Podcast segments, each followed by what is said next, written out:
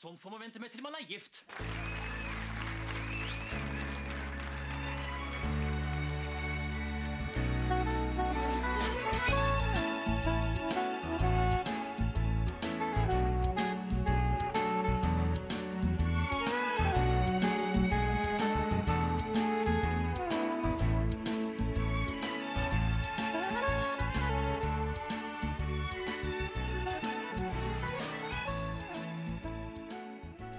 Hallo, velkommen til en ny episode av Norsk film filmpodkast. Podkasten hvor vi ser norsk film og TV med et kritisk, men kjærlig blikk. Mitt navn er Emil, jeg sitter her som alltid med. Stefan heter jeg, eh, og i dag vi, skal vi se en serie som vi ble tipset av om av en eh, kjent norsk kokk.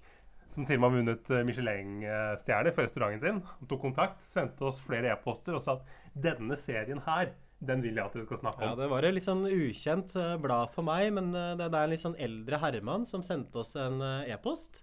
Det var en del sånn stavefeil og sånn i den e-posten, og så sto det nederst på e-posten 'sendt fra min iPhone', så det tyder kanskje på at vedkommende ikke er så vant til å bruke sånne nye kommunikasjonsmidler. Nei? Jeg hadde ikke hørt om han før, men det var en Eivind Hellstrøm som gjerne ville at vi skulle se hans TV-program fra 2008.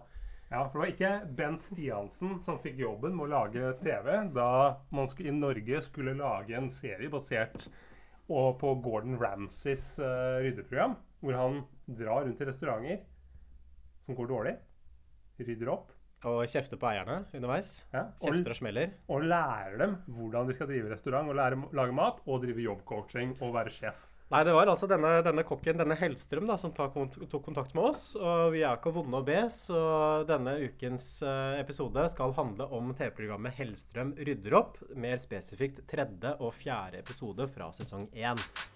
Sesongåpning. To stor meny. Østers, kamskjell, foie gras, lam. Eh, mer opptatt av eh, konsistensen.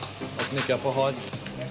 Mesterkokken Eivind Hellstrøm har drevet restaurant Bagatell, en av Skandinavias beste restauranter, i 25 år. Eivind Hellstrøm er slått til ridder i både Norge og Frankrike pga. sine fantastiske kokkekunster.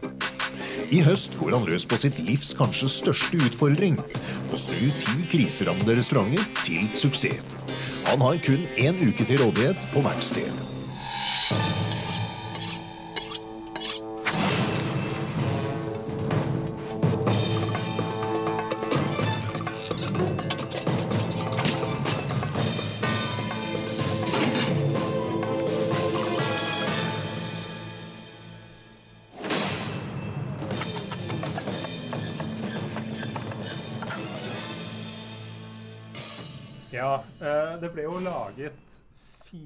Sesonger av det programmet her. Eh, og den sesong én, den for dere som bare sitter av spenning og tenker sånn Hvor kan jeg få tak i Hellstrøm? Hvor, hvor fins det? Jeg har lett over hele YouTube. Så kan, vet, kan jeg fortelle at du kan kjøpe det på DVD. Eh, jeg kjøpte det til en, eh, liksom, en nettepris sum av 450 kroner for tre DVD-er. Så det er jo, det er liksom, det er blodpris, og dette er liksom fansen bare sitter og sitrer liksom og bare rygger i stolen når, de får, når dette kommer ut på Finn. Det er ganske, ganske dyrt. 450 kroner for ti episoder med TV3-serie fra 2008. Ja, det var det. Jeg, jeg tenkte at jeg kunne rettferdiggjøre det siden jeg ikke hadde kjøpt DVD på noen år. Så på en måte er det jo gått mye penger inn i DVD-kassa. Men jeg følte meg jo jeg, jeg følte meg litt lurt der og da da jeg kjøpte det. Men da jeg begynte å se på det, så, så skjønte jeg at dette her det er gull fra TV-arkivet. Ja, for Vi kan jo droppe den spøken innledningsvis. at Vi veit jo selvfølgelig hvem Eivind Hellstrøm er. Han er faktisk en av mine norske yndlingskjendiser, tror jeg. Så En Ja. av de som skinner eh, klarest på den norske stjernehimmelen for min del. Hellstrøm, eh, litt sånn bakgrunnshistorien hans, at han var en veldig kjent norsk kokk eh, også før han ble TV-kjendis. Han dreiv en restaurant som het Bagatell i Oslo. Så var den første og lenge den eneste norske restauranten som fikk to stjerner i Michelin-guiden. Uh, Hellstrøm er faktisk ridder i den franske æreslegionen. Visste du det, Stefan? Oi!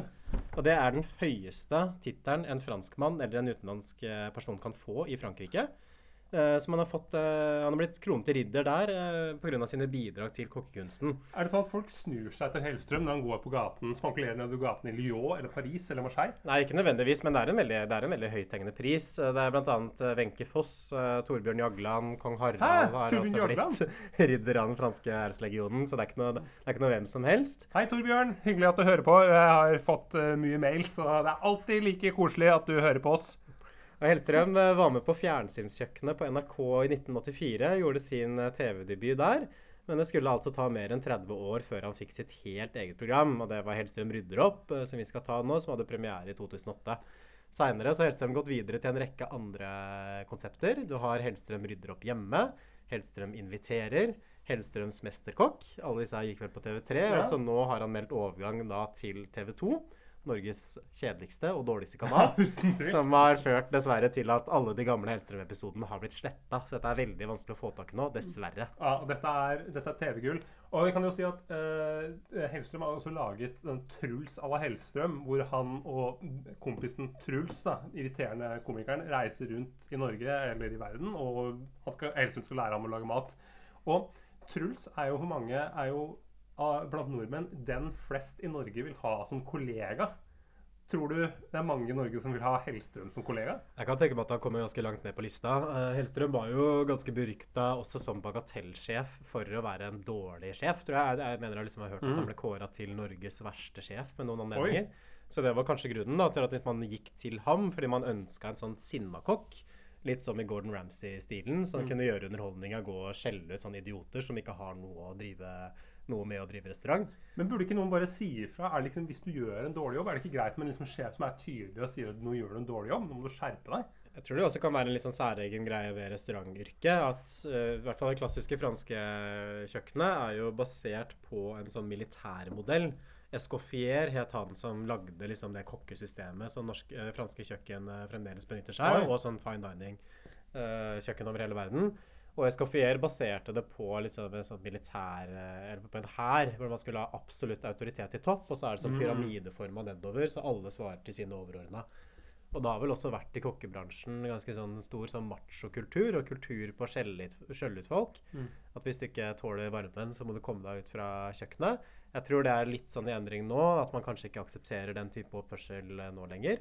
Men Hellstrøm tilhører nok den gamle skolen kokk, som også inkluderer sånne som ja, Gordon Ramsay og Marco Pierre White og sånn kokker. Ja, Som Gordon Ramsay er på en måte er en samme type kokk. Ja, det vil jeg tro. Smidd over samme lest, ja. eller skodd over samme lest, eller hva den heter. Men uh, hva, hva syns du om Hellstrøm? Sånn uh... Nei, jeg har stor respekt for ham. at Jeg syns jo i utgangspunktet at uh, det er jo mange som ser kanskje på Hellstrøm som en slags sånn vits, da, men det er jo klart at han har jo gjort et veldig sånn solid Ja. bidrag til norske kokkekunsten også. I hvert fall på et sånt tidspunkt hvor den norske matkulturen var ganske laber. Ja, jeg, Eh, litt sånn dessverre så gjorde han jo det bidraget ved å se veldig mye til Frankrike, da. Egentlig bare gjøre en fransk restaurant i Norge. Som er litt sånn typisk for at når man skal få norsk høykultur, så må det nesten alltid gå gjennom en sånn import først, føler jeg. Men jeg tror han har lagt mye av grunnlaget for den, de norske restaurantene nå, da, ikke sant? som faktisk lager mer sånn norsk-nordisk mat og gjør det på en god måte. Jeg tror han er på en måte den som har gått forut for alt det.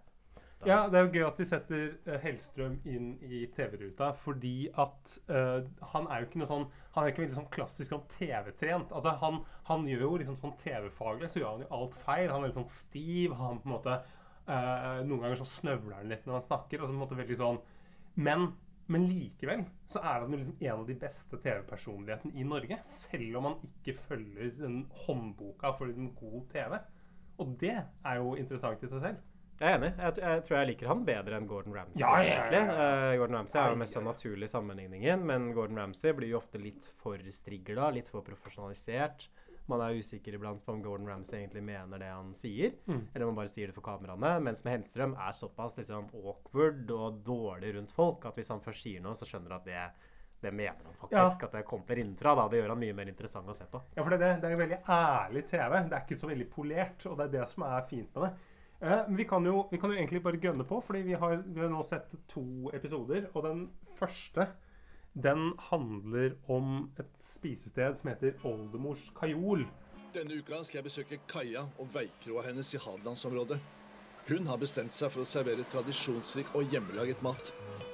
Det bor nesten 30 000 mennesker i området. Turistattraksjonen Hadelands glassverk ligger like i nærheten, og for mange går veien til Bergen og Gardermoen forbi her. De eneste konkurrentene er Jafs, Esso og Tarsjun, så det burde ikke være umulig å få et sted til å gå rundt her. Kaja kjøpte stedet med samboeren Eirik for to år siden. Hun har et konsept hun har kjempetro på selv. Vi selger norsk tradisjonskost. I utgangspunktet så var det jo min mormor eh, og oldemor sine oppskrifter som jeg har spist da da jeg var liten. Vi har vurdert å ha pommes frites og hamburger og sånn i begynnelsen, men i og med at vi skulle kjøre det konseptet, så ketsjup og pommes frites er litt bannlyst på kjøkkenet her. Kaja er egentlig grafisk designer og har ingen erfaring fra restaurantbransjen. Anne, som hjelper til på kjøkkenet, har heller ingen erfaring. Resten av personalet består av to skolejenter og venner som jobber nesten gratis. Hei, det er Rolf, og så er vi Ruth. Da håper jeg maten smaker. Og så er det Silje og Julie. De er under 18 år begge to, så de kan ikke servere alkohol. Så da har vi Rolf som står i baren og hjelper til. Jeg vet veldig lite om vin, men rød og hvitvin vet jeg om. er også eh, forskjellen her. Hver dag kjører 7000 biler forbi her, men veldig få velger å stoppe. Stedet går ikke rundt. Og det er veldig mange mennesker som, eller biler som har kjørt inn, og så har de stopper de, og så ser de seg rundt, og så, så snur de. Så de har ikke kommet inn engang, da. Så Ruth hun har jo vært en del sånn løpt ut og 'Hallo, hallo, det, du må ha mat her. Kom og se på menyen.' Jeg har skjønt at de har tvilt om det er middag å få kjøpt her og sånn, og jeg ser at de tviler, og da bare går jeg ned og spør dem hva de lurer på, da. Og da sier de ja, er det middag her? Har de åpent? Ja, da sier jeg vær så god. så nei, det er noe som gjør at uh, de tviler. Det er en veikro. Det må man kunne si. Ja, eh, eh, Hellstrøm kaller det i hvert fall for en veikro. Og jeg syns han har en veldig sånn fin åpning når han presenterer For at alltid når Hellstrøm skal presentere et sted eller, eller et restaurant, så tar han liksom litt sånn studie av eh, tettstedet som ligger i nærheten. Hva fins her? Og på en måte er han, han skriver, snakker at det er, en, det er en vei her, det er liksom, eh, det er Jevnaker, det er liksom mange som kjører forbi, både liksom fra Bergen og og så sier han at de eneste konkurrentene her, det er, det er Jafs, Esso og Taishun. Taishun, som er sånn thai-restaurant. Kina, Kina-mat. Så det burde være gode muligheter for å drive god business. da. Du har også Hadelands glassverk, altså turistattraksjonen. Den kjente turistattraksjonen Hadelands glassverk ligger rett i nærheten. Så dette er et sted hvor virkelig turistene flokker seg. Hvorfor har ikke flere åpnet restaurant på Jevnaker, tenker vi når Hellstrøm sier det her. Og så synes jeg det er, jeg håper jo at når han avfeier Taishun, at han faktisk har testet Taishun før han måte sverter spisestedets gode navn og rykte for hele Norges befolkning. At han har litt sånn, at, For det kan jo faktisk være god thaimat på Taishu. Og Jafs og Esso. Jeg håper også han har testa de to stedene på Hadeland. At Ikke minst. han ikke sverter, sverter Jafs og Esso Tenk om Hadeland. baconpølsen eh, på Jafs er Norges beste. I hvert fall Oldemors Karjol, da, som er det stedet som Hellstrøm skal til i denne episoden, det drives av ei som heter Kaja Knopf Østlige. Det er basert på mormor og oldemorens oppskrifter. og Det er liksom på en måte konseptet bak eh, kroen. da, At de skal servere norsk tradisjonsmat, slik som Kaja fikk på oldemors eh, kjøkken. Og ketsjup og pommes frites det er bannlyst fra kjøkkenet. Og Kaja er egentlig grafisk designer, og verken hun eller den andre kokken på kjøkkenet har noe restauranterfaring fra før av. Eh, kelnerne er også stort sett amatører. Vi har en bartender som heter Rolf, som veit veldig lite om vin. Det eneste han vet om vin, er at uh, man har rødvin, og så har man hvitvin. Og det er de to valgene man får. Og han vet ikke hva vinene heter, eller noen ting, men eh, det er det han kan. Så er det ei som heter Ruth, som ser litt ut som en sånn Aukrust-karakter. Eldre dame, ja. Ja, med måte, men veldig sånn typisk sånn Aukrust-utseende, som, som ikke vet noe om maten. En måte Når de spør hvor kjøttet eller fiskekakene kommer fra, så må du gå bak på kjøkkenet og spørre. Så hun Ruth er på en måte litt sånn hovmester på denne restauranten her, men det er jo et ekstremt amatørisk opplegg. Ja, det, det er hovmester med hermetegn. Jeg gjør hermetegn lufta nå, for dere som, ikke, som bare hører og ikke ser. Og Kaja har også en annen jobb ved siden av, så det er jo faktisk amatør som på ordentlig. Det er ikke profesjonelt. fordi det, det hun tjener pengene sine, er på en bondegård som driver med noen hester og sånn. Så det er på en måte dagjobben hennes. Og så drar hun til og fra mellom den bondegården og Oldemars karjol og prøver å sjonglere alt og få ting til å gå Og rundt. jeg er egentlig grafisk designer, og dette er jo sånn det typiske i den perioden her, liksom tidlig på 2000-tallet. øh, alle var kult med media, alle skulle ta medieutdanning. Men så var det jo ikke noen jobber der ute. Hva skal jeg gjøre? Jo, jeg blir slakter, jeg blir kokk. jeg skal gjøre noe. Det er så enkelt. Jeg kan så mye. Jeg bare lager, gleder meg til å lage menyer i Photoshop og kose meg liksom med å, med å innrede en fin restaurant. Det kommer til å gå så bra. Men tolker du det sånn? For jeg tolker egentlig at hun var drevet mer av en sånn genuin lidenskap. Ja, jeg, hva, for det stilte jeg sånn spørsmål som hva er det som fikk en til å starte den restauranten her med det konseptet? men tror du ikke eh, Min teori er eh, hun har en type i den serien her som åpenbart han har en sånn hadelandsdialekt. Han har flytta dit. Han vil gjerne tilbake til hjemgården sin, som han skal ta over. Han er odelsgutt, Ja, odelsgutt på den lille, Ja. lille småbruket der. Men hva skal hun gjøre? Det er ikke så mange det er ikke så Hun må ha seg noe å gjøre. Ja, det må seg noe å gjøre. Hva skal vi gjøre? Kan ikke drive sånn grafisk eh, verksted der. Det er, ikke, det er ikke nok folk på Jevnaker som skal ha T-skjorter og Big Penner og buttons. Hva skal vi gjøre? Og så finner de et sånt lokale som ligger på siden av veien, som sikkert koster sånn 6000 i måneden å leie på Jeg Hadeland. håper det. Ja, og så tenker jeg at ok, jeg kan drive en restaurant her, og jeg var så glad i oldemorsmat, så da gjør vi det, selv om ingen har noen spesielle forutsetninger for å kunne drive en god restaurant. Og jeg har jo alle oppskriftene, så jeg har jo alle rettene allerede, tenker Kaja. Eh, og det viser seg at det ikke, går ikke så bra, og derfor så kommer Hellstrøm på banen. Ja, de, de sliter med å tiltrekke seg hester. Så man har jo den klassiske lille scenen som er på starten av hver episode. Hellstrøm kommer kjørende, og så skal han smake på hva restauranten har å by på. Eh, han reagerer umiddelbart på at all man, maten på menyen er kverna opp. Du har kjøttkaker, karbonadesmørbrød, fiskekaker. Så det er liksom ikke noe, det er ikke noe rene kjøttprodukter der. Og vinkartet, rødvin, hvitvin og vinflaske. Eh, likevel så det virker jo liksom som at Eivind egentlig liker maten ganske godt. Han får flesk og duppe, spekemat som han syns er bra, men den stek- spekematen er jo bare spekemat som er lagt på en tallerken, så det er jo ikke noe de har lagd selv. Nei. I hvert fall Førsteinntrykket er at maten er helt grei, lokalene er mer enn greie, beliggenheten er grei. Eneste problemet er hvor er gjestene? Ja. Ruth forteller jo der på en måte at det kommer flere gjester eh, innimellom som lurer på om det er åpent. Og så når hun kommer løpende ut for å ønske dem velkommen, så snur de og setter seg inn i bilen og kjører av gårde. Så de har jo, de har jo problemer, de her. Og det, um, det, det er liksom, Dette er jo litt sånn sjelden vri i Hellstrøm-sammenheng. Fordi den første scenen her hvor han, hvor han smaker maten, er jo ofte at Oi, den maten her er grusom. Disse eh, dette flatbrødet her, det er muggent. Eller liksom den, uh, den Sjømaten er dårlig. ja, det er alltid noe sånt. Det er alltid sånn, dette er, og, det, og så finner han alltid ut at dette er bare sånn fe- ferdigprodukter og metervare. Det er ikke noe som er laget der. Så det er veldig sjelden det er jo, Du blir jo overrasket som seer over at Når han faktisk liker maten. Ja, ja. det er helt Det er bra. Mm. Er mer enn greit, som man sier. Så videre så går han inn på kjøkkenet, og så begynner han å liksom å konfrontere hun eh, Kaja litt, da, hun som driver restauranten. Jeg syns han er veldig hersete med henne. At han driver og liksom røsker i henne. Han stiller vel litt sånn ukomfortabelt nærme. Nei, Han nei, gir henne masse spørsmål som hun ikke er i stand til å svare på, som han veit at hun ikke kan svare på. Det blir kanskje litt sånn ekstra tydelig fordi at hun er en ganske sånn ung, blond dame, mens Hellstrøm er en veldig sånn ruvende, gammel eh, mann. Ja, men, men det, det jeg opplever med Kaja, er at jeg syns hun er veldig sånn Hun veldig flørtete overfor Hellstrøm. Og det kan være en sånn form for usikkerhet. For at hun måtte bare synes det er ubehagelig at han er der. Men jeg tolker det litt som at, måte, at hun, liksom, hun smiler litt sånn skjevt, ser ned når han sier ting. Liksom litt sånn, eller på en måte og utfordrer han litt. Og han, du merker at han, han, set, han som gammel mann han setter pris på det. Han liker liksom det er hanen som på en måte som føler at han er liksom kongen i flokken og på en måte blir sett. Ja, for jeg syns hun virker veldig ukomfortabel og redd. Og ja, jeg oppfatter det annerledes. Jeg oppfatter henne som at du, er, eh, at du flørter litt med han. Vi får se hvordan det blir eh, etter hvert. da, fordi nå, nå får man ganske sånn morsom scene av at Hellstrøm drar ut på den gården hvor hun jobber. Ja, og tolker Altså- du ikke det som uh, her, er det jo en, her er det jo en tone.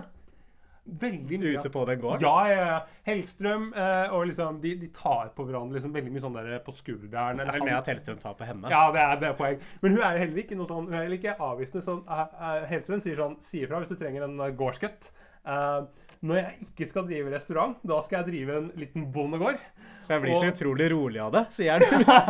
og så, så ble det jo ikke. Nei, I stedet men- for å drive restaurant, så gjorde han karriere av å hisse seg på TV istedenfor. Ja, det gjorde han. Men, men Kaja følger også opp og så sier sånn at uh, kanskje du skal flytte opp hit.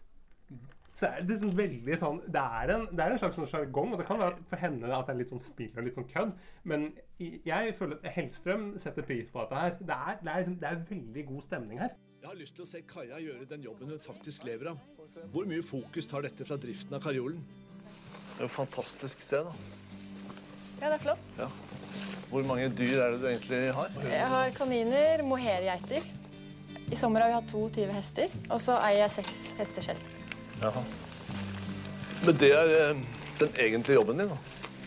Ja, den egentlige jobben, ja. Det er å jobbe her, drive her.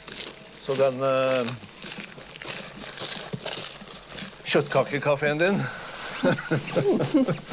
Det er eh, bare en sidejobb. Ja, En bierverv. Bierverv, ja. Skal vi fôre dem, Skal vi fôre dem, ja? Ja, De trenger mat, de ja. òg. Og hva, hva vil du at jeg skal gjøre? Nå skal jeg vise deg. Skal vi gå i fôrrommet? Så du fôrer egentlig både dyr og mennesker, du? Ja, jeg gjør det. Døgnet rundt. Kan du røre deg? Det ser nesten ut som eh, en god eh, vegetarkost. Kan du glede deg. Ja, hva skal vi gjøre nå? Nå må vi møkke. Møkke? Ja, Da tar du greipet, og så leter du etter de små klumpene som ligger i sanden. Ok, små klumper i sanden. Lukter, Syns du det lukter sterkt? Jeg liker den lukta. Når jeg ikke skal drive restaurant lenger, så skal jeg drive en liten gård. Ja. For jeg blir så utrolig rolig av det. Det er den som er blitt bitt, ja. Han har blitt bitt, ja. Han veier 950 kilo. Hun prøver å gjøre ham til laks, og hun er redd Ja. og hun er nervøs. Nei, jeg tror ikke det. Jeg, tror, jeg, jeg tror jeg er litt nervøs, men jeg tror også det er en uh, Dette er uh, flørtingens uh, spill. Jeg har vært- jeg har En annen veldig morsom scene også, hvor Hellstrøm driver og rører rundt oppi fòrbøtta til hestene. og så sier han dette her ser ut som god vegetarmat. Som er vel en sånn typisk greie med at kokker ikke liker eller respekterer vegetarianere. Ja, han latterliggjør det. ja. Som man kunne gjøre i 2008, ikke nå lenger. Ja, nå er jo vegetarmat overalt. Det må jeg bare si til dere som eh, fans som vet at det, dukker opp en Hellstrøm-referanse nå, er jo at en av de første episodene her, så er han jo faktisk på en vegetarrestaurant og gjør om på hele menyen. Men Til å eh, servere kjøtt, eller? eh, Det hadde vært en god idé, men han gjør ikke det. Men hele stedet det, det forsvinner liksom bare en måned etterpå, så er det konk. Vi møter også Kajas samboer eh, Eirik, som eh, hun driver stedet sammen med. Og han har på en måte sånn økonomiansvar, da. Så han forteller at omsetningen kun er på 700 000 kroner i året. Uh, det, og det, er, det er omsetning. Ja, og det er, jo, det er jo sikkert åtte stykker som jobber på det stedet her. Minst. Ja, Altså, de altså, tjener de mindre enn 100 000 i året Ja. per pers. da. Han Og det er liksom, Hvis man tenker at alle utgiftene går til lønn. Tenk han vinkelneren. Tenk hva han tjener. Han må jo, Kanskje han tjener 20 000 da, på et Og så, og så kommer liksom Hellstrøm med den reality-sjekken. da, sånn, Hvordan skal dette her gå bra? Du må ha et svar på hvorfor det skal gå bra. Begynner å presse hun Kaja veldig. Og så sier hun sånn Ja, jeg tenker kanskje at vi kan ta tiden til hjelp. Og så kommer Hellstrøm med en gang. Ja, men du har ikke noe tid. Så Det er, det er veldig sånn typisk greie at han skal bryte henne ned for å bygge henne opp igjen. Men jeg syns kanskje han går litt vel langt. da. Det er kanskje sånn spesielt etter hvert, egentlig. Men, men det må, er jo du må jo ta det reality-sjekken. Altså, hvis du holder på å servere mat ingen vil ha, så må du jo Han er jo der for å rydde opp. Han kan jo har jo ikke tid til liksom bare drive og surre rundt og ah, 'Kanskje du skal uh, sett Kanskje da er flesk og duppe på menyen?' Eller hva med, med kumler? Det elsker folk. Du må jo liksom Du må jo eh, liksom treffe publikum. Ja, det, det, det, ja, ja. Og på Jevnaker, publikum, de vil ha biff og burger og pølser. Og det, det slår jo Hellstrøm fast til hun der Kaja. Hellstrøm tar et sånn feltstudie i lokalområdet og kjører rundt og spør folk hva vil du ha på restaurant, og så sier de liksom jeg vil ha pølse, jeg vil ha hamburger, jeg vil ha biff, og det er sånne ting som Kaja ikke har lyst til å lage, da. Nei, det er påfallende mange som ser litt sånn usunne ut, som har liksom tre dobbelttaker, som sier at de vil ha biff og bearnés og jeg tror det er kjerneproblemet, for at hun Kaja har blitt veldig rigid på liksom sitt eget konsept, at hun skal servere liksom disse bestemorsrettene. Men jeg lurer jo liksom på hvor interessant er det liksom for folk å dra på en restaurant, og så bestiller du fiskekake? Altså, jeg ville ikke dratt på restaurant Nei. og spist det. Men de har Uansett hvor god den fiskekaken hadde vært. Fordi når jeg først skal ut og spise, så vil ikke jeg få liksom et karbonadesmørbrød eller flesk og duppe. Du Så det er et- spiser vel aldri på restauranter med mindre enn eh, 15 retter på menyen? Nei, men jeg kan dra ut og spise med andre. Men hva med deg? Ville du dratt ut på restaurant og spist fiskekake? nei, aldri Man, man betaler jo ikke 200-300 kroner for en sånn hovedrett, Nei, og så et par hundre kroner til eh, for å drikke. Det blir for hverdagslig, liksom. Jeg syns jo burger er liksom Det går til nød. Eh, men sånn som den der fiskekaka som de ser her, gjeddekakene, de, eh, det må de bare slutte med. Jeg, jeg tenker Hvis du skal ut og spise, så vil du jo spise mat som du ikke kan lage sjøl hjemme. Ja. Og der er kanskje problemet til oldemors karjol. For dette er jo hele ideen at han skal lage hjemmelaga mat som bestemora di klarer å lage.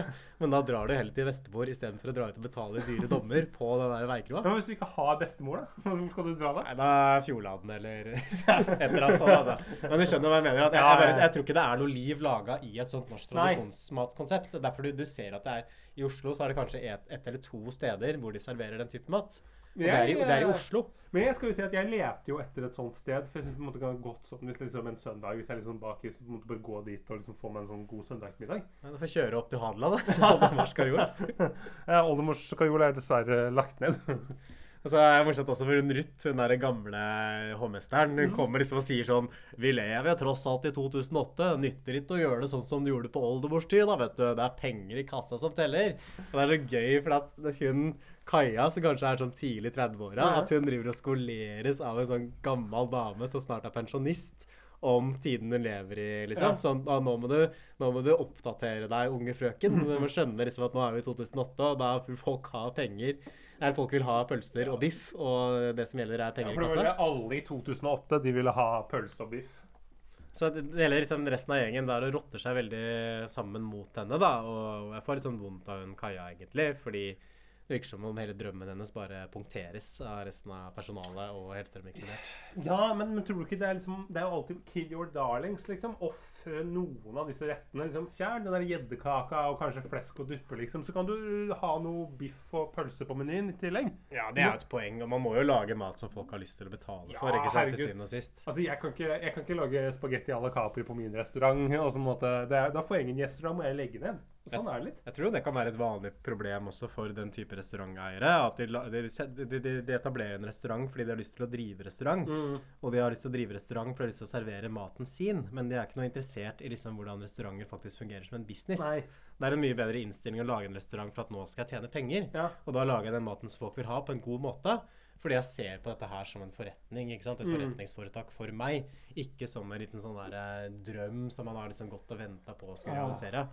Fordi da blir man altfor idealistisk, tror jeg. Man blir for urealistisk. Og resultatet er at man lager en restaurant som ingen vil ha, og så nekter man å gi seg og tilpasse seg, fordi da ødelegger man på en måte sin egen drøm. Så blir man konk, og så blir man utbrent, og så går bare alt til helvete. Forhold til helvete, og hele livet til helvete. Det må man ikke gjøre. Man må drive, man må drive ordentlig. Kynisk. Kynisk. Og, um, og det som er nå, nå, nå kjører, kjører Hellstrøm en sånn grundig skolering. Han, uh, han gir vinkelner Rolf et uh, vinkurs.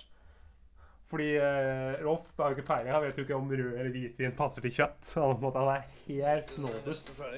Og I tillegg så skal vi ha ringerikspoteter. Det er ikke bare Kaja og Anne som trenger opplæring. Servitørene må lære alt. Hvor mange tallerkener klarer du å bære? Tør ikke å bære mer alt. Du klarer to. Her har vi en mann som kun har skilt mellom hvit og rød vin. Jeg må gi ham en elementær innføring i smak og duft. Fruktsmak. God. Ja. Tror du at du klarer å ta det så langt som at du kan gå bort til bordet og servere vin? Ja, det har jeg. Ja, jeg vil gjerne se at du gjør det i kveld. Ja, det er bra.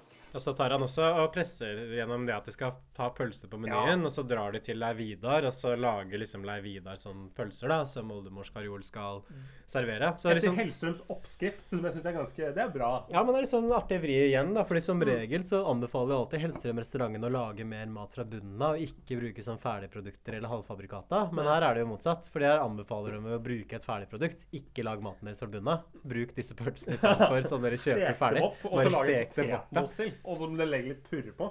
Men skal vi sies at jeg syns de tar sympatiske priser for maten her. Eh, en treretters koster, koster 225 kroner. Den pølsegreia med potetmos er liksom en, under en hundrings. Ja, Selv i ganske 2008 så er dette Altså, jeg kunne jo lett slengt innom der hvis det skjedde noe annet der og jeg hadde lyst på en pils. Og det er kanskje litt det man legger seg på også. Jeg tror det.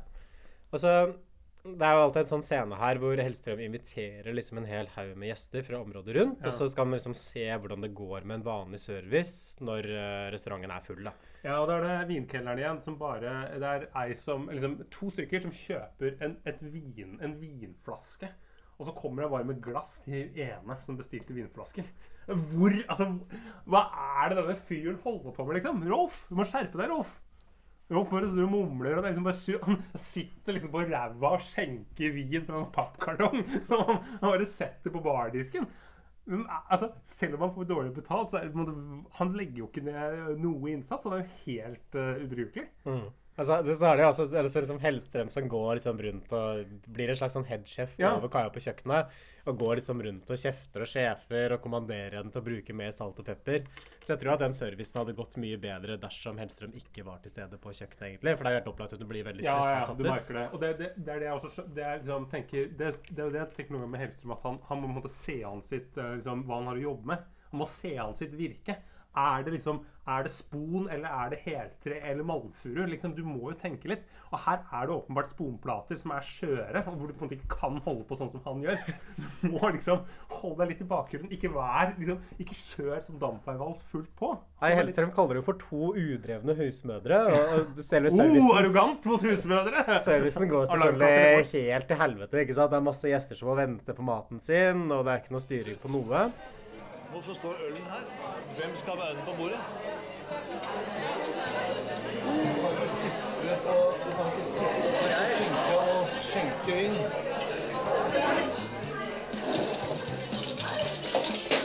Du må passe på at de pølsene blir Varme. gjennomvarme. Ja. Irish coffee, og den har du koll på. Du, du har ikke kaffe? Du har ikke krem heller? Hvorfor setter du ikke tallerkenene ned? Fordi sausen er her. Den er ikke så fin som den var. Nå heter du Eivind Hellstrøm, da. Så skal du ha grønt på. Jeg, jeg holder på. Jeg blir nervøs av at du går rundt med sånn her.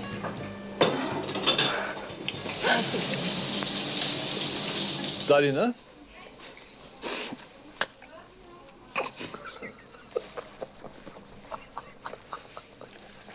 Der inne er det bare totalt kaos. Stakkars Kaja. Stakkars Anne. Men jeg vil nesten si mest stakkars meg selv. Gudene vet hvordan skal dette gå. Altså Jeg lurer litt på hva som er poenget for at Hellstrøm skal presse den gjennom den servicen der, som de helt åpenbart ikke har kapasitet til å klare. For det kan jo, være, kan jo ikke være noe sånn spesielt god reklame for stedet. tenker jeg, At mange av de gjestene som kommer dit, vil jo kanskje ikke komme til å dra tilbake, siden de har hatt den dårlige erfaringen. Og hele staben får en skikkelig knekk i selvtilliten sin. Men en som i hvert fall får seg god latter, det er jo Hellstrøm, som står utenfor stedet. og sier sånn Stakkars Kaja. Stakkars Anne. Men jeg vil nesten si mest stakkars meg selv. Det syns jeg er helt feil. At det er så synd på han. Hvorfor er det han som er mest stakkar? Uh, Han er der? fem dager, så skal han rydde opp en ny restaurant. Og så er det, det er ferdig, og så har han dratt inn de pengene sine. Hun kan jo gå konkurs og miste hele livsverket sitt, og gården. Og de, han vinkelneren òg, han kommer jo aldri til å få noen annen jobb. Han tar seg en sånn alvorsprat med personalet etter servicen er ferdig, og så sier han sånn Akkurat i dag vil jeg ikke kalle det en restaurant. Jeg vil ikke kalle det kafé. Jeg vil ikke kalle det en kro. Jeg vil bare kalle det for et galehus. Og så tar han en sånn én-til-én-konfrontasjon med hun Kaja. Dette er bare en tullete hobby. Hvorfor gidder du dette her? Dette kommer jo aldri til å gå. Uh, her synes jeg at han går altfor langt, egentlig. Hun slipper jo ikke til i det hele tatt. Scenen handler jo bare om at han skal stå og liksom kjefte på henne, og at hun skal bare ta imot kjeften hans. Eh, Jeg liker vanligvis Hellstrøm ganske godt, men akkurat her så fikk jeg litt sånn bismak i munnen, egentlig.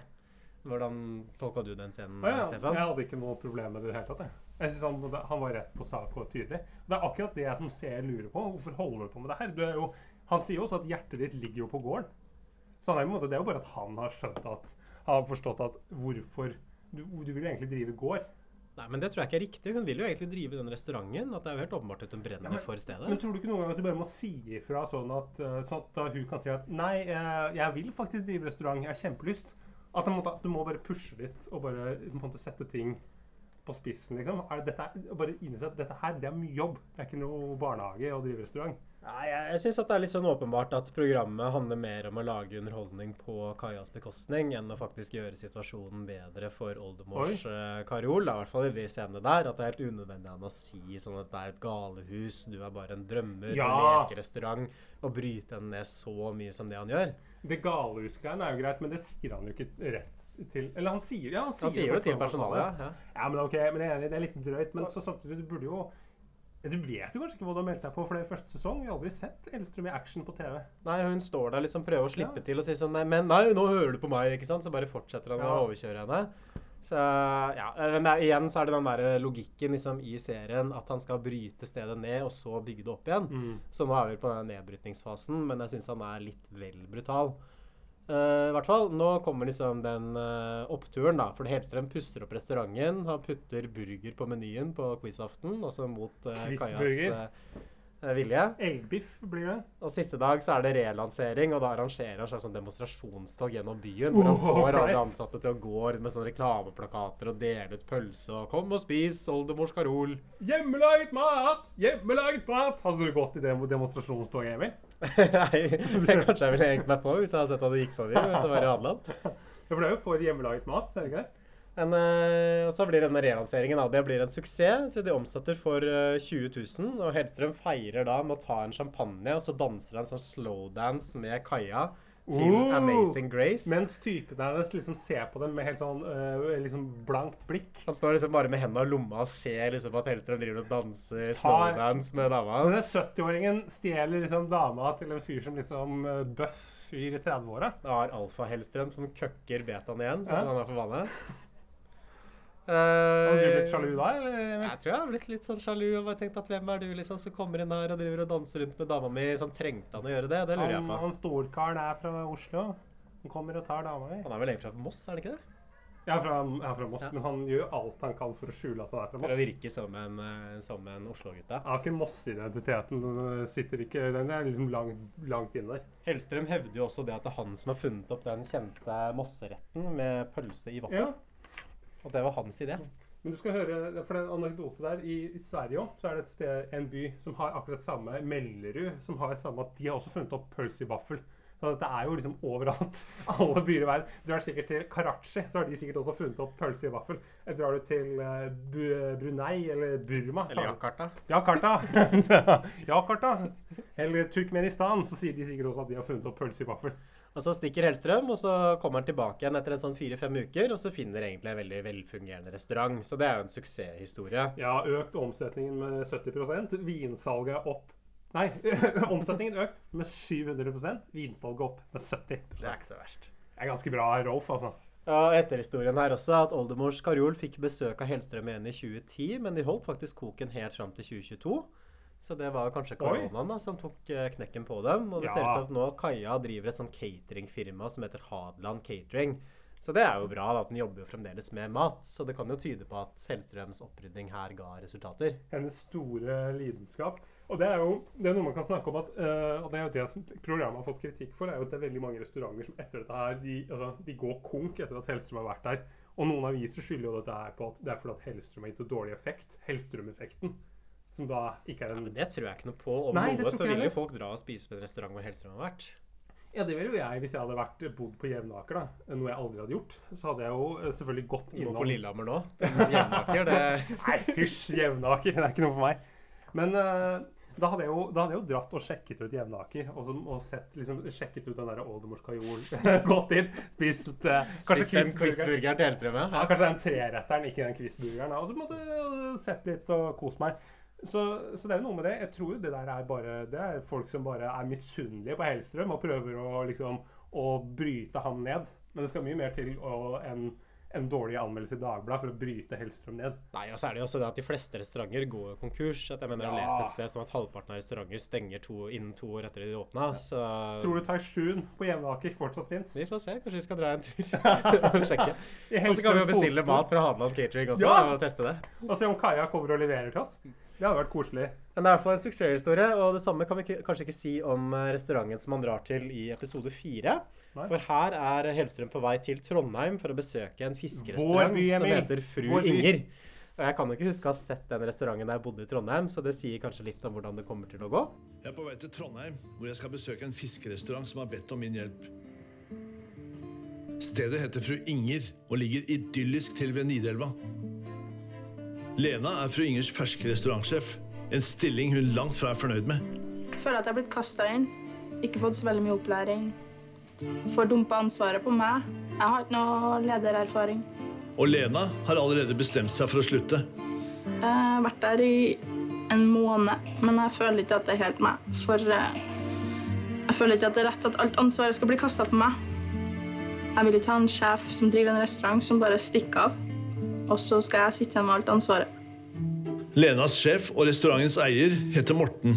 Det å drive fiskerestaurant i Trondheim er en utfordring. Vi har eh, relativt mye å gjøre på sommeren, og vi har mye å gjøre til jul. Eh, Etterjulsvinteren er lav. Lite å gjøre. Det betyr at vi ikke kan tilby folk noe fast jobb. Og det betyr at vi bruker ufaglærte folk. På kjøkkenet jobber tre unge kokker. Blant disse er 20 år gamle Kari, som til tross for minimal erfaring har fått jobben som kjøkkensjef. Morten tyr derfor til enkle løsninger. Siden vi ikke har fersk fisk, da, så må vi jo bruke sånn her nå her. Buljong. Det blir jo nesten som posesuppe. Men Kari mener selv hun er i stand til å lage god mat fra bunnen av. Morten mener at eh, vi skal gjøre det på enklest mulig måte. da. Og, bruke ting som går kortest tid. Som å bake et brød, det syns de er helt unødvendig. Hvis du skal ha en god restaurant, så eh, må du lage alt fra bunnen av. Du kan ikke servere ferdige baguetter og ferdige sauser og slike ting. For dere som er kjent i Trondheim, så ligger Troll der i dag. Eh, det gir jo en pekepinn. Eh, og vi, får en presentasjon her av personalet med en gang. Det er Lena som er den nye restaurantsjefen. Har jobbet der i fire uker. Men har allerede, eh, er allerede klar for å slutte. Hun har allerede sagt opp, Ja. egentlig, innen, innen Hellstrøm hele tiden kommer inn døra. Og så er det Morten, som er en fyr i sånn svart, stram T-skjorte med litt sånn spillende muskler, grått hår, litt sånn, eh, litt sånn cocky fyr, som driver restauranten. Han mener at det er utfordrende å drive fiskerestaurant i Trondheim, og at det er, så vanskelig, og vi kan ikke tilby folk fast jobb, og de tjener bare penger på julebordsesongen, og bla, bla, bla. Unnskyldninger, unnskyldninger, unnskyldninger. Her kommer litt sånn klasseaspektet inn igjen. Da, ikke sant? For at, ja, Morten, her! jeg tenker at Det er mye sesongutfordringer. så Det er mye å gjøre om sommeren og rundt jul, men det er ikke ellers. og Det gjør at han ikke kan bruke faglærte folk. Og han kan ikke ha faste kontrakter. Hei. Så han må bruke ufaglærte folk på midlertidig kontrakt. Eh, så, så, så det er på en måte en dårlig kapitalist, en lite vellykket kapitalist, som ikke får til å drive businessen sin med overskudd. Men du, Og så bruker han det som en unnskyldning for å da bare utbytte og behandle arbeiderne sine dårlig. Og jeg tenker at Hvis vi klarer å drive et sted med fast ansettelse, så må du faen meg bare gå konkurs. altså. Du mener, ja, det er kapitalisten. eh, Det er kap- det kapitalistens, kapitalisten som ikke eh, får til å drive sjappa si ordentlig. Og så kompenserer han da med å bare gi jævlig dårlige arbeidsbetingelser for de ansatte. Du vet jo, Vikarbyrået har jo fått mange i full jobb.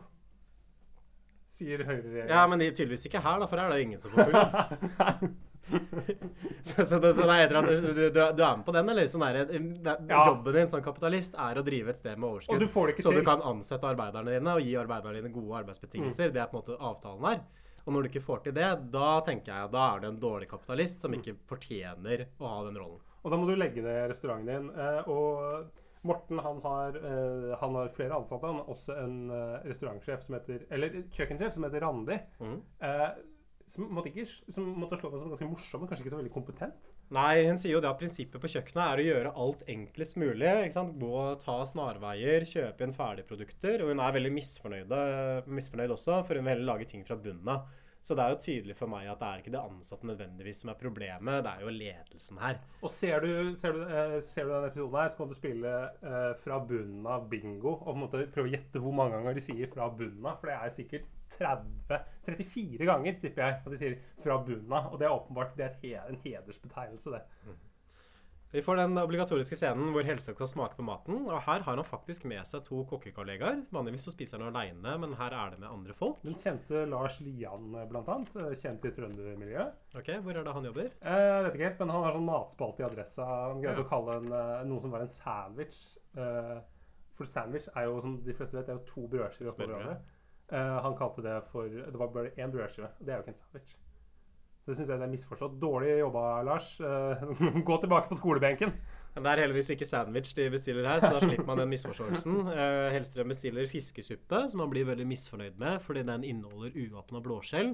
Og fiskesuppa er også bare en hvit saus, altså det er ikke noe egentlig suppe. Nei, han kaller det vel en, en, en slags buljong. Mm.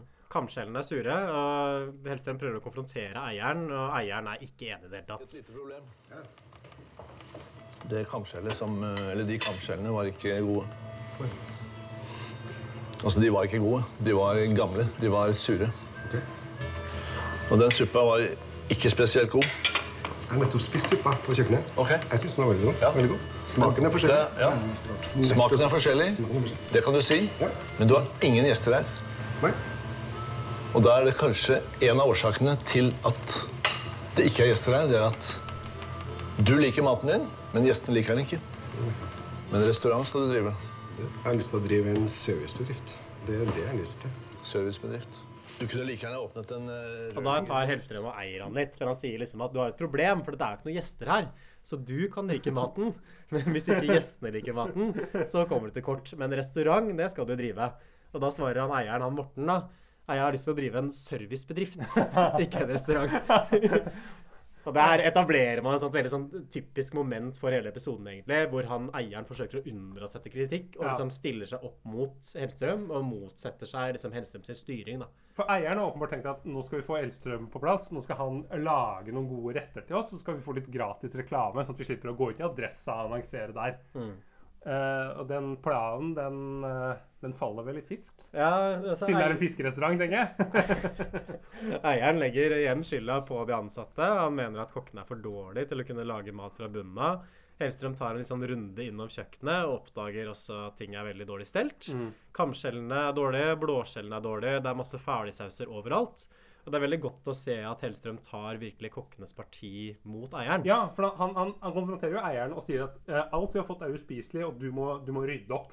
Uh, men Eieren er uenig. ikke sant? Hellstrøm kommer til han med de blåskjellene. ikke sant? Lukt på dette her. Og så sier han at uh, eieren at dette her er jo sånn som blåskjell skal lukte. Så kanskje det er du, Eivind Hellstrøm, som ikke veit hvordan blåskjell egentlig skal være. veldig arrogant å si til en ridder som har drevet uh, restaurant med liksom, flere Michelin-stjerner. To sekunder? Um, alle dessertene er mer eller mindre industrielle. Du kjøper de ferdig. Nesten alle. Det vil si At crème brulé har vi laga sjøl. Ja. Vi har laga masse sjøl. Vi laga alt fra bunnen av. Det har vi gjort tidligere. Det er vanskelig å få kokker, og det er vanskelig å få dyktige kokker.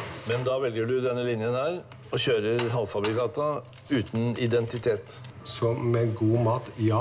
Etter det måltidet her så vil jeg si her er det noe fundamentalt feil. Altså. Her er det ikke bare å spise maten. Nei. Her er det noe grunnleggende feil. For alt det vi har fått, er uspiselig. Nei, det er ikke enig med deg. Det syns jeg. Ja, men det, det får du lov til å mene. Eh, Det mener ikke jeg. Martin, har du to minutter? Ja. Hei. Jeg har nettopp gått gjennom den uh, hylla her med Kari. For det første spurte jeg om én ting når det gjaldt den desserten. Og det var den uh, crème bruléen som står der. Jeg spurte at den var hjemmelaget, sier du. Hæ? Det sa du. Nei, men vi setter, vi, ja, du sa det- ja, den vi, den- vi bruker, vi bruker, nei, nei. vi bruker den som en base, og så lager, setter vi Det er crème bruléen din. Ja, og så setter du til egg og freshenap. Ja. Det er det jeg kaller for en cash and carry-meny. da. Det er ikke det som er poenget mitt her og nå. Det er det at du sier en ting, men det holder ikke. Det stemmer ikke, det du sier. Jeg er veldig glad for at jeg ikke spiste de blåskjellene. De er livsfarlige. De kamskjellene er råtne. De er farlige å spise. Det er de ikke. Det er tull. Hva sa du? Det er tull. Ok. Et øyeblikk. Ja. Det lukter faktisk blåskjell. Du har aldri lukta blåskjell. Ja, Det er bare det verste jeg har hørt. Greit. En av de virkelig store opplevelsene for meg, vet du hva det er? Er å spise kamskjell rå. Har du lyst til å spise det? Jeg spiser ikke rå kamskjell. Du spiser ikke rå kamskjell? Nei. Nei vel, Så du vil ha kokte kamskjell? Steke. Steke, ja. Ok. Vær så god. Takk.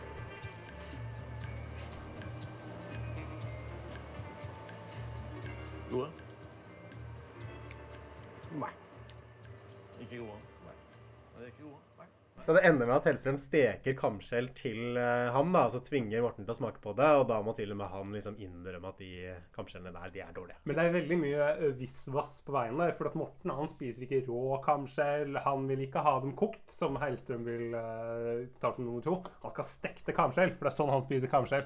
Han, er, han, han skal liksom vise muskler. Han er en kverulant. Fy faen for en kverulant Morten er. Og så prøver liksom Hellstrøm å sjekke hvordan, eh, hvor gode kokkene egentlig er. da, Så han får dem til å lage hollandes for ham. Og da blir de veldig stressa. Eh, hun ene kokken får sånn skikkelig sånn angstanfall og prøver å stikke av fra Ja. innspillingen. Og Elstrøm kommer liksom etter henne med kamerateamet og prøver å presse henne til å se på han lage hollandes, så skal han vise henne hvordan man gjør det. Ja. Og hun stikker av, av igjen. Jeg syns litt sånn synd på henne, egentlig. Og de kokkene har jo ikke meldt seg på dette her, så det snakka vi litt om mens vi så episoden også. Hvordan er det på en måte å jobbe på de restaurantene når Hellstrøm kommer, og du må på en måte være til stede med et sånt kamerateam oppi trynet. De har ikke bedt om det. Nei, jeg synes jo han, her syns jeg jo jeg første gang i den sesongen her at Hellstrøm er, eller eh, Hellstrøms eh, historie at han er litt urimelig når han måtte følge etter henne med det kamerateamet. Bare la henne gå ut og få en liten pustepause. Ja. Liksom Ikke følg etter og si sånn «Øh, Men Kaja, hva Ja, men Kaja, kom igjen, vi skal prøve å hjelpe deg! Kaja var forrige restaurant. Ja, Kaja, jeg husker ikke hva, hva heter Ren Renate heter henne. Renate. Eh, jeg syns også det er litt sånn synd på hun restaurantsjefen, for hun søkte egentlig på jobb som servitør, men så ble hun forfremmet to ganger før hun begynte. Ja. Først til hovmester, og så til restaurantsjef. Vi må si at det er en lysende karriere. Har du noen gang blitt forfremmet to ganger etter jobbintervjuet mitt? Nei, utrolig nok. Det vi har vi har tatt som en hedersbetegnelse. Raust av Morten å gi henne den restaurantsjefjobben. Så da blir det samme gamle greia, at Hellstrøm lager en ny meny, og så inviterer han masse gjester på et eh, måltid. Og så vil han at Morten da skal være restaurantsjef, og ikke hun eh, restaurantsjefen som egentlig jobber der. Du skal bare loke litt i bakgrunnen. Og det går selvfølgelig rett vest. Morten er altfor opptatt med å småprate med gjestene til å gidde å servere maten. Hellstrøm styrer servicen på kjøkkenet. Så det er liksom morsomt å se Hellstrøm i den rollen som en sånn kjøkkensjef i klinsj med eieren. Ja, eh, Hellstrøm bare står i en, en Det er en artig scene hvor Hellstrøm bare står i en, sånn luke og ringer med en sånn bjelle. For å, Morten, hvor er Morten? Morten bare går rett forbi den luka. Hellstrøm bare står der og ringer. Og Du ser han liksom utenfra med den der bjella. Det er jo gjerne sånn det funker på restaurant, at du har en sånn luke for de av lytterne våre som kanskje ikke veit hvordan restaurantbransjen er organisert. De som bare har spist på. McDonald's og Subway. Ja, men også der er jo samme prinsipp. At de, de, de sier liksom fra når maten er klar, ved å ringe på en sånn liten bjelle, sånn pleng, og så kommer eh, kelneren og plukker opp eh, maten og bærer den bort til bordet. Ja, og meningen er når du eh, ringer på den bjella, så skal jo kelneren komme Med en gang, ja. hvor bjella er. Mm. Men eh, Morten er alle andre steder enn der hvor bjella er. Han går rundt og småsnakker, sier til noen amerikanske gjester at ja, helst, jeg har en kjent kokk på, her, eh, på huset her. Han har fått han har en restaurant som har hatt fem Michelin-stjerner. Og de bare «Woo, oh, oh, oh, oh, oh!»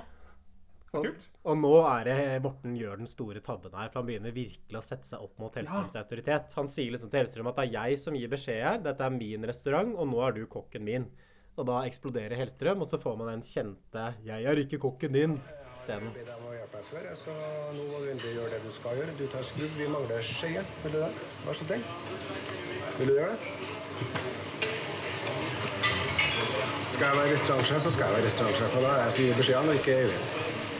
Sånn er det. Dette er to Eh, ekstra. Øyvind. Dette er to supplementer. du er kokken min. Eh, Lena skal Jeg er ikke gå kokken din. Nei, du, du jobber her. Hør nå, jeg er ikke kokken din. Du er på kjøkkenet. Jeg er ikke kokken din. Nei. OK? Det er greit. Men Ja, er det ikke snakk til meg på den måten. Da er jeg som gir Du beskjed. har, du har misforstått alt. Dette er de to ekstra du ba om. Kan du gå med de? Ja. OK. Da er det jeg som gir beskjed her. Siden du kommer inn til meg Nei, det, det jeg fikk beskjed om fra Nei, nei, nei. nei. Det er ikke det jeg snakker om. Jeg snakker ikke om det. Jeg snakker om at du har en oppvask som ser ut som helvete. Ja. Vi trenger flere tallerkener. Og du sier ja, her har jeg tre stykker. Men istedenfor å ta tak i problemene, begynner Morten å småprate med gjestene.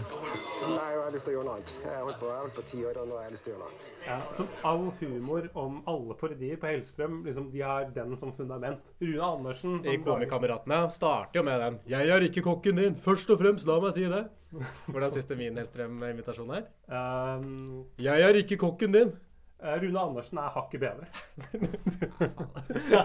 Vi jobber litt med den, Kan ikke men- ta mitt parti for én gangs skyld på denne podkasten her, Stefan. Men det er akkurat som Hellstrøm. Du må være ærlig. Det er sånn du lærer. Bryte ned, og så bygge opp når du kommer eh, har øvd ordentlig på den der hellstrøm Du er litt som Hellstrøm, mens jeg er mer som Morten, han som ikke nekter å ta kritikk. Du går litt i sånn stram T-skjorte, sånn at vi ser alle musklene dine bare buler under eh, T-skjortestoffet. Og så tar Hellstrøm med seg de ansatte ut på en båt i Nidelva for å drive litt sånn teambuilding. Ja, og det er mest sånn. Påfunn for å få de ansatte til å kunne si til sjefen hva de egentlig synes om han. Ja, her får vi noen gode scener hvor Hellstrøm sier at skriv én god, én dårlig ting på en Post-It-lapp om Morten. Og de innspillene er jo liksom de, de sier jo alt om hvordan Morten er som leder. negative innspillet er han er ikke en leder. Han trekker seg unna. Han tar ikke ansvar. Og så er de positive innspillene han prøver så godt han kan. Og når du får det som positiv tilbakemelding, Han gjør så godt han kan, og da, ja, da har han ikke mye annet å skrive. Han er alltid blid og fornøyd. Og det er jo en løgn. For det, er, han- det har vi jo sett at han ikke er. Men de måtte vel ha et eller annet positivt, kanskje? Det er en eller annen sånn der trønderdame som sier på det der programmet her. Sånn erketrønder-trøndersken. Etter dette så prøver de seg på en ny service som går sånn tålegreit. greit. Eh, det er samme problem igjen, at Morten er mest interessert i å prate med gjestene. Eh, til et bord så sier han f.eks. at han har lyst til å legge ned restauranten for å gjøre noe annet, som er jo ganske kult å høre når du sitter og spiser et sted, tenker jeg. Da tenker du at det er, dette er ikke god mat, hit kommer jeg ikke igjen.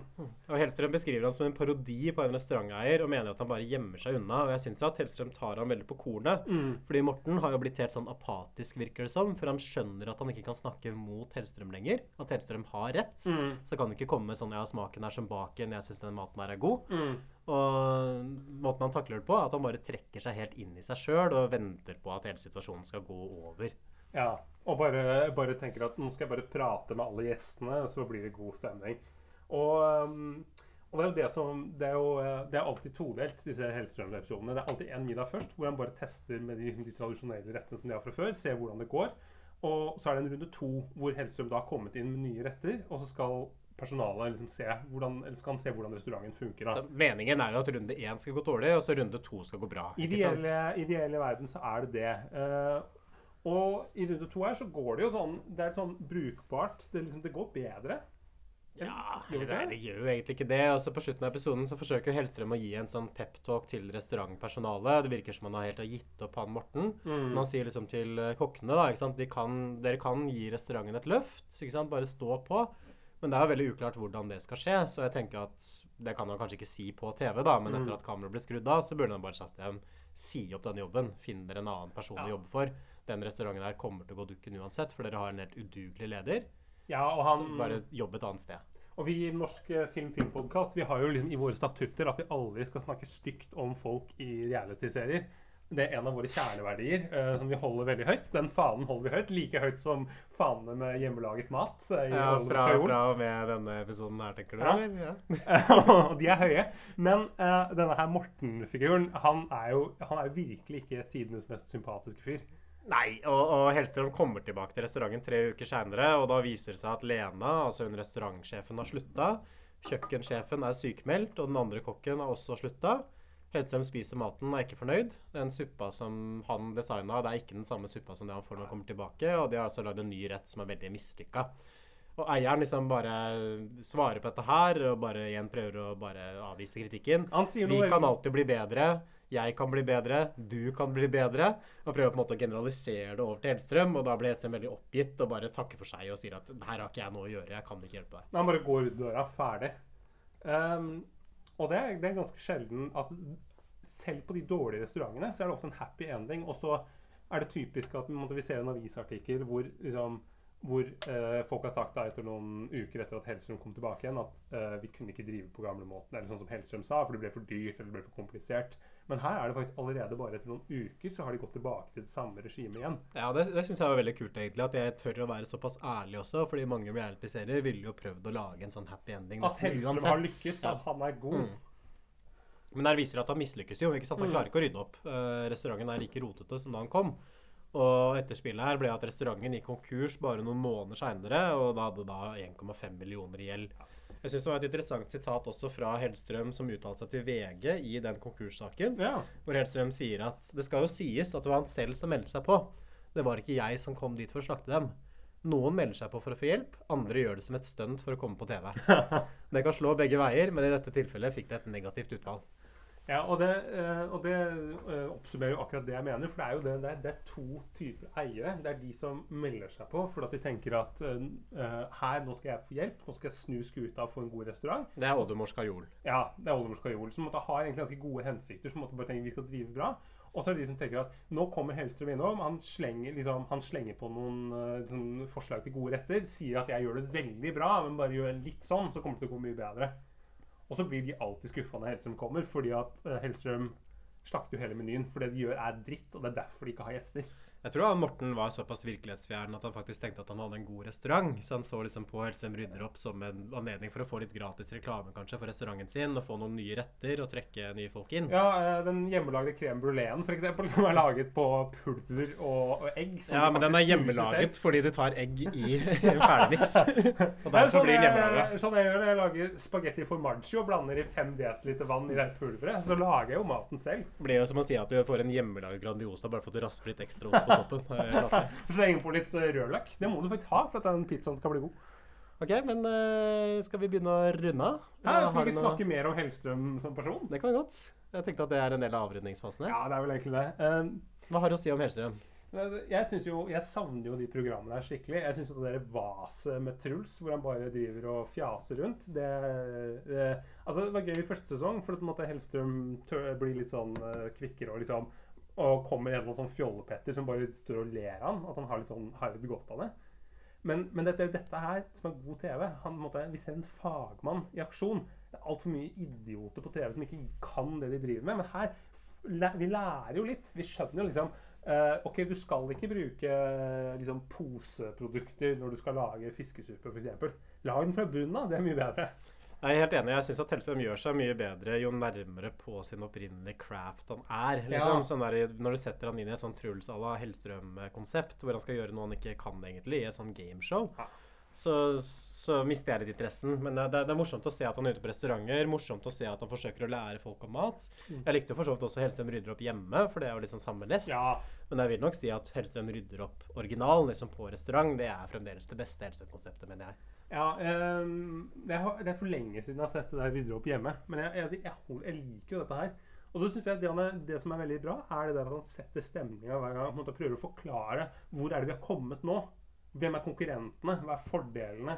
Ikke sant? Han på en måte lager liksom, liksom liten analyse av stedet han kommer til. Ja, Og man får et sånn innblikk i hvordan restauranteiere eller restaurantdrivere tenker, tror jeg. Og så hva Ja. man må tenke på også hvis man skal gjøre en vellykka Ja, restaurant. for Hvem er konkurrentene? Hva er det jeg kan komme med? Mm. Hva er det som gjør at dette stedet her skal skille seg ut? Og så, Og det, og det, det er interessant. Jeg syns ikke han er så veldig arrogant heller med tanke på hva slags mat. Han kommer ikke med noen sånne der, sånn overdrevent fancy greier. Sånn som på den der veikroa, så holder han seg så, så litt sånn veikro pluss. Han, han, han prøver ikke å liksom komme med noe altfor avanserte greier. Nei, og så er han jo. Han er jo en veldig interessant figur også, men det sier man jo gjerne om mange kokker. ikke sant? At man blir litt sånn emosjonelt avstumpa av å jobbe lenge på kjøkkenet. For man jobber jo som regel på kvelden, ikke sant? Og i hvert fall fredag og lørdagskvelden når andre folk er ute og koser seg, så Mm. står de på kjøkkenet. Og særlig hvis man er eh, kjøkkensjef, da, som Helstein var, så står man jo bare og sjefer på folk og liksom forteller folk hva de skal gjøre hele tiden. Så det er jo ikke noe sånn gjensidig sosial interaksjonssituasjon, dette her. ikke sant? Det er jo jeg gir ordre til deg, og du svarer ja, Eivind. Og så går du og utfører det jeg ber om, og hvis du ikke gjør det godt nok, så kjefter jeg på deg. Så jeg kan jo innbille meg at hvis du jobber med det 20 år i strekk, så blir man en ganske spesiell person. Og det bærer Hellstrøm veldig preg av, synes jeg. For han er veldig sosialt utilpass og rar når han ikke klarer å liksom briljere på det han er flink på, som er eh, mat og vin. Og jeg syns det. Jeg synes han er eh, jeg synes han, mm, Innimellom så finner han måte virkelig folk som han liker, og på en måte som er flinke talenter. Ja, men han er alltid litt rar og litt utilpass, syns ikke det? Jeg opplever han som egentlig som ganske sånn til stede, bare at han er, han er litt stiv. Ja. Men jeg syns ikke han er så Jeg syns han, han Jeg synes han er ganske god til å lese mennesker. Eller synes han, altså, og så syns jeg ofte at han er ganske hjertelig også mot en del som han måte for, Folk han liker, så er han jo hyggelig. Eller folk Ja, han selv han prøver å gjøre en god jobb. Han er det på sin måte, tror jeg man kan si om Hellstrøm. At uh, han, jeg tror ikke han har så mye vondt i seg. Han er, ikke, han er ikke noen ondskapsfull person, men det er klart at han er en veldig sær person. Og, Ja. men, det, men det er det som gjør også han til en så god TV-personlighet også, fordi han virker veldig autentisk. Og hvis man sammenligner han med Gordon Ramsay, da, kanskje som er den mest sånn nærliggende sammenligningen uh, for Hellstrøm, så vil jeg si at jeg foretrekker alltid å se på Hellstrøm over Mm. Gordon Ramsay, for Gordon Ramsay kan fort bli for TV-proff. Og det er uklart iblant, så mener han egentlig det han sier, eller han sier han det bare for at det skal lage et godt narrativ Ja. for kameraene. Mens Hellstrøm, der føler jeg at du får the real deal, da, på godt og vondt. Ja, for det er ekte TV. og det er fascinerende også at du kan få en sånn person som er såpass lite kameravant og såpass lite omgjengelig til å bli en såpass stor TV-personlighet og kjent TV-personlighet som det Hellstrøm har blitt. Det syns jeg sier noe ganske godt om Norge og norsk reality, tross alt. Ja, og det det, det er ganske godt sagt. Jeg har jo um, uh, jeg har jo forsket litt da, på Hellstrøm og uh, uh, snakket med folk som har vært med på Hellstrøm rydder opp. Og det de sa, var at Hellstrøm, når han, når han står der og liksom leverer ting, så er det ikke noe sånn Han sier en ting, og da må kameraet være der og spille inn. For Hellstrøm tar ikke noe sånn Det tar ikke noe take til. Det er én tagning, og så ferdig, så går Hellstrøm. Da er han ferdig, da er han levert. Så alt dette er veldig sånn improvisert. Det er ikke Mm. noe sånn Det er ikke så veldig planlagt. Sånn framstår det kanskje også. Ja. Og det er jo det som, som du sier, det er det som gjør det til god TV. Mm. Ja, jeg ser frem, virkelig fram til å ta Hellstrøm rydder opp hjemme, og så skal vi ta Hellstrøm inviterer, og så kanskje Truls og Hellstrøm etter hvert, da. Ja, og eh, til dere lyttere der ute, eh, vær så snill, har dere gamle klipp av Hellstrøm rydder opp hjemme, eller Hellstrøm inviterer, send dem til oss, og så skal vi diskutere. Ikke hele klipp, men hele episoder. Ja, vær så snill, ikke klipp. Eksempel den Nugatti-episoden fra Hellstrøm rydder opp eh, hjemme, med han fyren som bare spiser Nugatti. Send den til oss. Den vil vi ta. Åh, eller han som kan smake forskjell på alle kjøttdeigprodusentene. Og er det Nordfjord, er det Gilde. Han vet det. Hellstrøm rydder opp eh, hjemme. Det er på en måte vår råvare. Akkurat som Hellstrøm så foredler vi disse råvarene til en nydelig rett, som er disse podkast-episodene som vi sitter og hører på nå. Ja, og nå må vi eh, kanskje gå inn for landing og dekke på bordet og slenge ut de fine tallerkenene Ja, nå er det på tide med anretningen, og den anretningen i dette tilfellet er jo kanskje siste oppsummering og terningkast. Stefan, jeg spiller den over til deg. Terningkast seks. Ja, seks, seks, seks, seks. Kan ikke bli noe annet. Ha det bra. Ha det. Sånn får man vente med til man er gift.